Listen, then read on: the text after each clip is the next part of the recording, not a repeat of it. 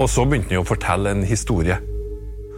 Om at de hadde vært NRK-serien Ingen elsker bamsegutt handler om en norsk 61-åring som har vært mange år på Filippinene mot sin vilje. At årsaken var at de ikke hadde penger, og han hevda overfor meg at han var blitt lurt av Nav. Først fikk historien masse sympati, og det ble samlet inn over fire millioner kroner for å hjelpe 61-åringen hjem. Men så snudde debatten 180 grader. Den mye omtalte NRK-serien Ingen elsker bamsegutt trekkes midlertidig fra Statskanalen.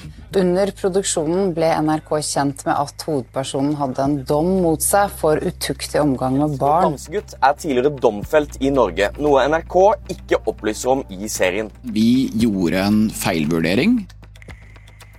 Kritikken handler om etiske overtramp, seksuelle overgrep og en programleder som blander rollene sine.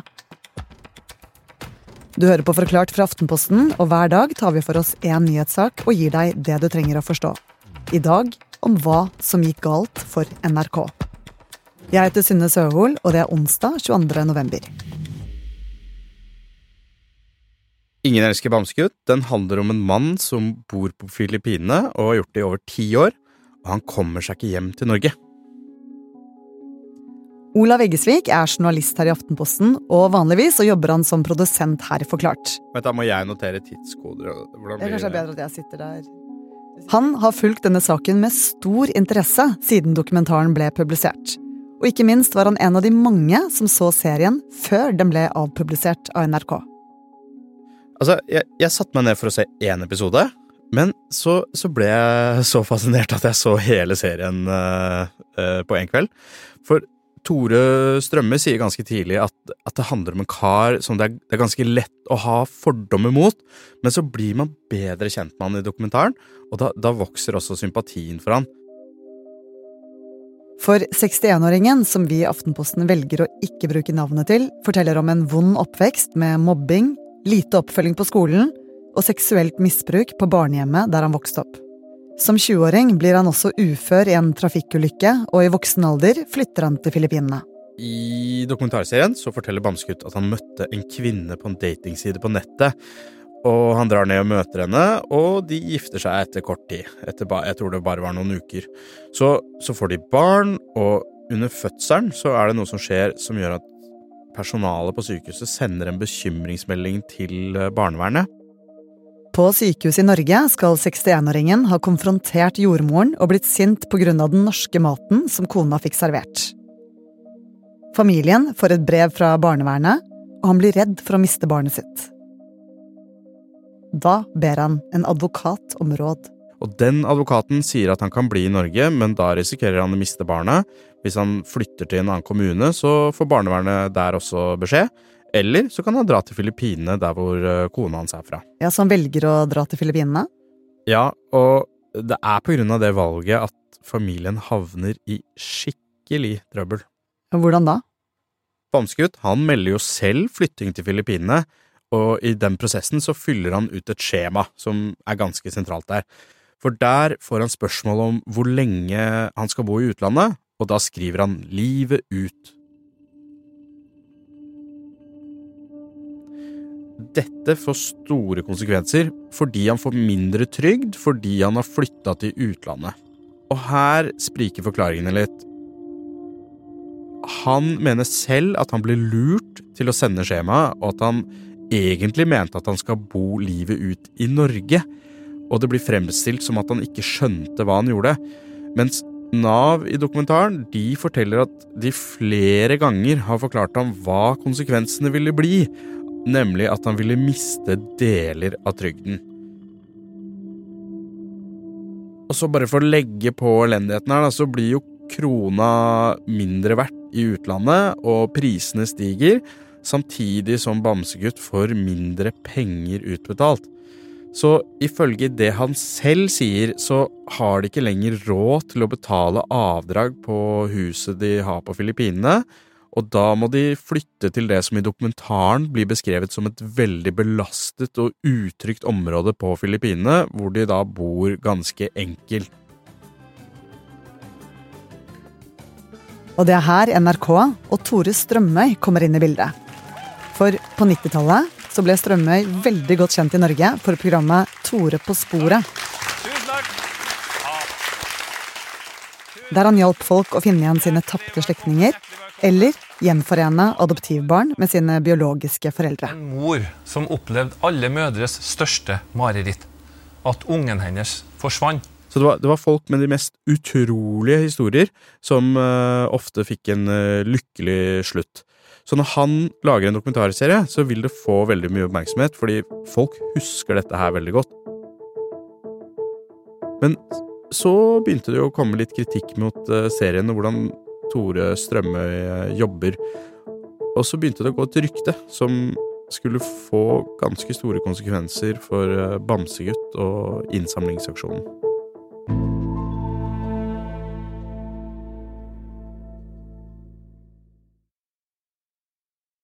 Det er flere ting med denne serien som er problematisk, men for meg så er det verst at NRK her eksponerer en sårbar familie på en uansvarlig måte. Og det er også mange andre ting som skurrer, og i etterkant så har det kommet frem at NRK har holdt tilbake vesentlig informasjon. Kristina Pletten er kommentator her i Aftenposten og har kritisert flere sider ved produksjonen. Og det var på mange måter hennes kommentar som fikk det til å snu for NRKs dokumentarsatsing. Kristina, hva handlet eh, kritikken din om? Det var en gjennomgang av hvorfor jeg syns dette var problematisk. Altså, journalister de har et regelverk som heter Vær varsom-plakaten, eh, som vi må forholde oss til det skal sørge for at vi behandler kilder på en god måte. Og i denne serien så mener jeg at det er gjort en del grove feil. Det var for eksempel en tendensiøs fremstilling av en barnevernssak, eh, der det ikke blir stilt spørsmål ved at en familie rømmer landet for å unngå barnevernet. Og Strømøy han har en dobbeltrolle der han er både aktivist som skal hjelpe familien, og en journalist som skal fortelle en historie som han selv er med påvirke, og det er rett og slett ikke greit. Dokumentaren ble jo presentert som systemkritikk, eh, som en enkeltmanns kamp mot systemet. Hva kan serien gjøre med tilliten til Nav og andre offentlige instanser i Norge? Altså I utgangspunktet så skal jo pressen være systemkritisk, og det betyr at vi skal være en vaktbikkje som passer på at institusjoner som barnevernet og Nav gjør jobben sin. Eh, men vi må jo også gjøre jobben vår på en ordentlig måte, og når Strømme bruker de virkemidlene som han gjør da, så svekker det også det som kunne kanskje vært relevant kritikk. Og så reagerer jeg også på at han for eksempel drar til sykehuset på Lillehammer for å konfrontere staben på fødeavdelingen med at de har varslet barnevernet. Og sånne ting, det er ikke greit. Jeg trodde at jeg skulle få komme inn her og få en forklaring på øh, bekymringsmeldinga. Og så får jeg svar da Hei, jeg vet ikke hvem som var avdelingsleder i 2008, og jeg har heller ikke mer tid å bruke på denne saken. Beklager. Men de tilbyr meg en eh, leder eh, som kanskje kan stille opp i slutten av neste uke. Fordi at det er ikke den metoden vi skal ta, og det er heller ikke de kanalene vi skal bruke. Hvis vi skal løfte sånn kritikk, så skal vi gjøre det på en ordentlig måte. Eh, Personalet på fødeavdelingen på sykehuset og andre lærere, folk som jobber i barnehager og mange andre, de har plikt til å varsle barnevernet hvis de mener at noe er galt. Så kan man stille spørsmål ved om terskelen må være høyere eller lavere, men vi har også et ansvar for de kildene vi, vi konfronterer og stiller spørsmål til. Du skriver også i kommentaren din at eh, Tore Strømøy har flere roller i dokumentaren, der han både er journalist og aktivist. Hvorfor er det et problem? I Vær varsom-plakaten så står det at man skal unngå dobbeltroller, verv, oppdrag eller bindinger som kan skape interessekonflikter eller føre til spekulasjoner om inhabilitet. Og dette er egentlig det samme prinsippet som det vi har sett i disse habilitetsskandalene med politikerne. Eh, der eh, det blir vanskelig å være objektiv når du samtidig er en deltakende aktør, fordi at tilliten til om du da forteller historien på en ærlig måte når du har så mye investert i utfallet, den ble trukket i tvil. Lørdag svarte Tore Strømøy på denne kritikken i et leserinnlegg i Aftenposten. Der skriver han at premisset for Ingen elsker bamsegutt var å prøve å hjelpe 61-åringen hjem, og at som journalist så taler Strømøy de svake sak. Men så skjer det noe som gjør at NRK bestemmer seg for å avpublisere. Det startet med et rykte i sosiale medier, og snart kunne mediene bekrefte dette. I 1991 ble mannen fra Rogaland dømt for utuktig omgang med seks barn. Han ble dømt til åtte måneders betinget fengsel med to års prøvetid. Rundt fire uker før publisering fikk NRK vite om denne dommen. Likevel ble det ikke nevnt i dokumentaren. NRK mente at det ikke hadde relevans for temaet i dokumentaren, det til tross for at Bamsegutt selv ville ha det med, ifølge hans advokat.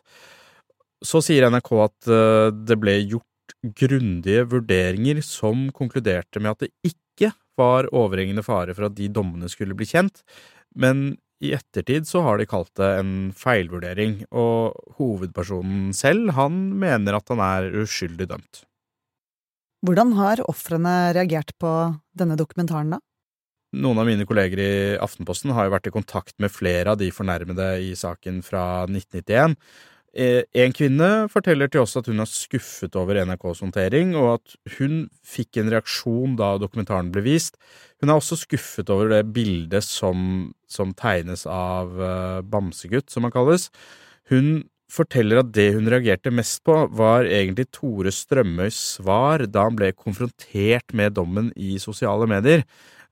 Det er blitt delt en beskjed fra Strømøy der han skriver at 61-åringen er beskyldt for å ha berørt noen unger i en lek. I ettertid så har han sagt at eh, det var en uheldig formulering, og han beklager hvis det ser ut som han ikke tar det på alvor.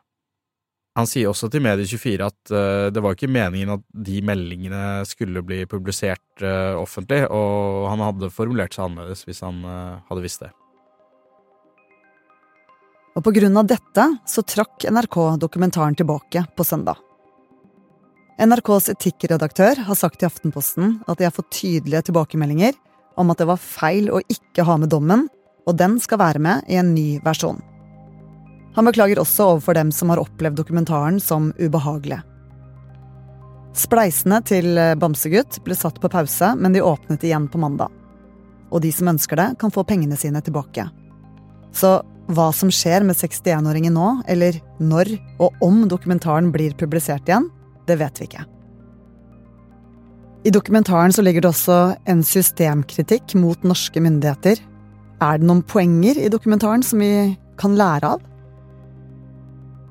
Det kunne kanskje vært det. De mener at denne kritikken handler om et system som er vanskelig å forstå, og et system som ikke tar hensyn til enkeltmennesket. Og det kunne jo vært en interessant dokumentar, det. Men det blir ikke behandlet på en ordentlig måte, og man sitter igjen med et ufullstendig inntrykk av hva som egentlig har gått galt, og hva løsningene kan være.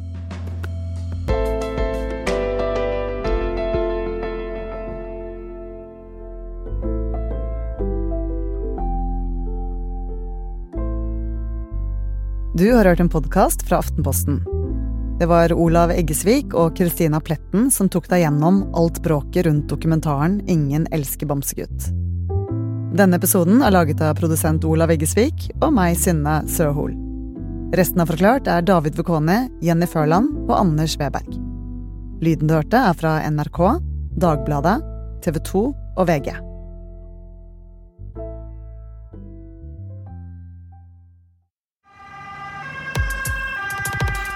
Sverige. Med skjutninger eller sprengninger nesten varenda dag. Sju personer har skjutits ihjel i Stockholm og Uppsala de seneste to ukene. Skal nå bekjempe voldsbølgen med Da er kamerabevakning en av de delene også. 900 nye kamera og avansert teknologi. Men kommer det til å hjelpe? De som er aller vanskeligst å kontrollere i et samfunn, det er de som ikke har noe å miste. Hør dypdykk om det forskere har brukt over 30 år på å finne ut av. Du finner den hos Podmy eller i Aftenposten-appen.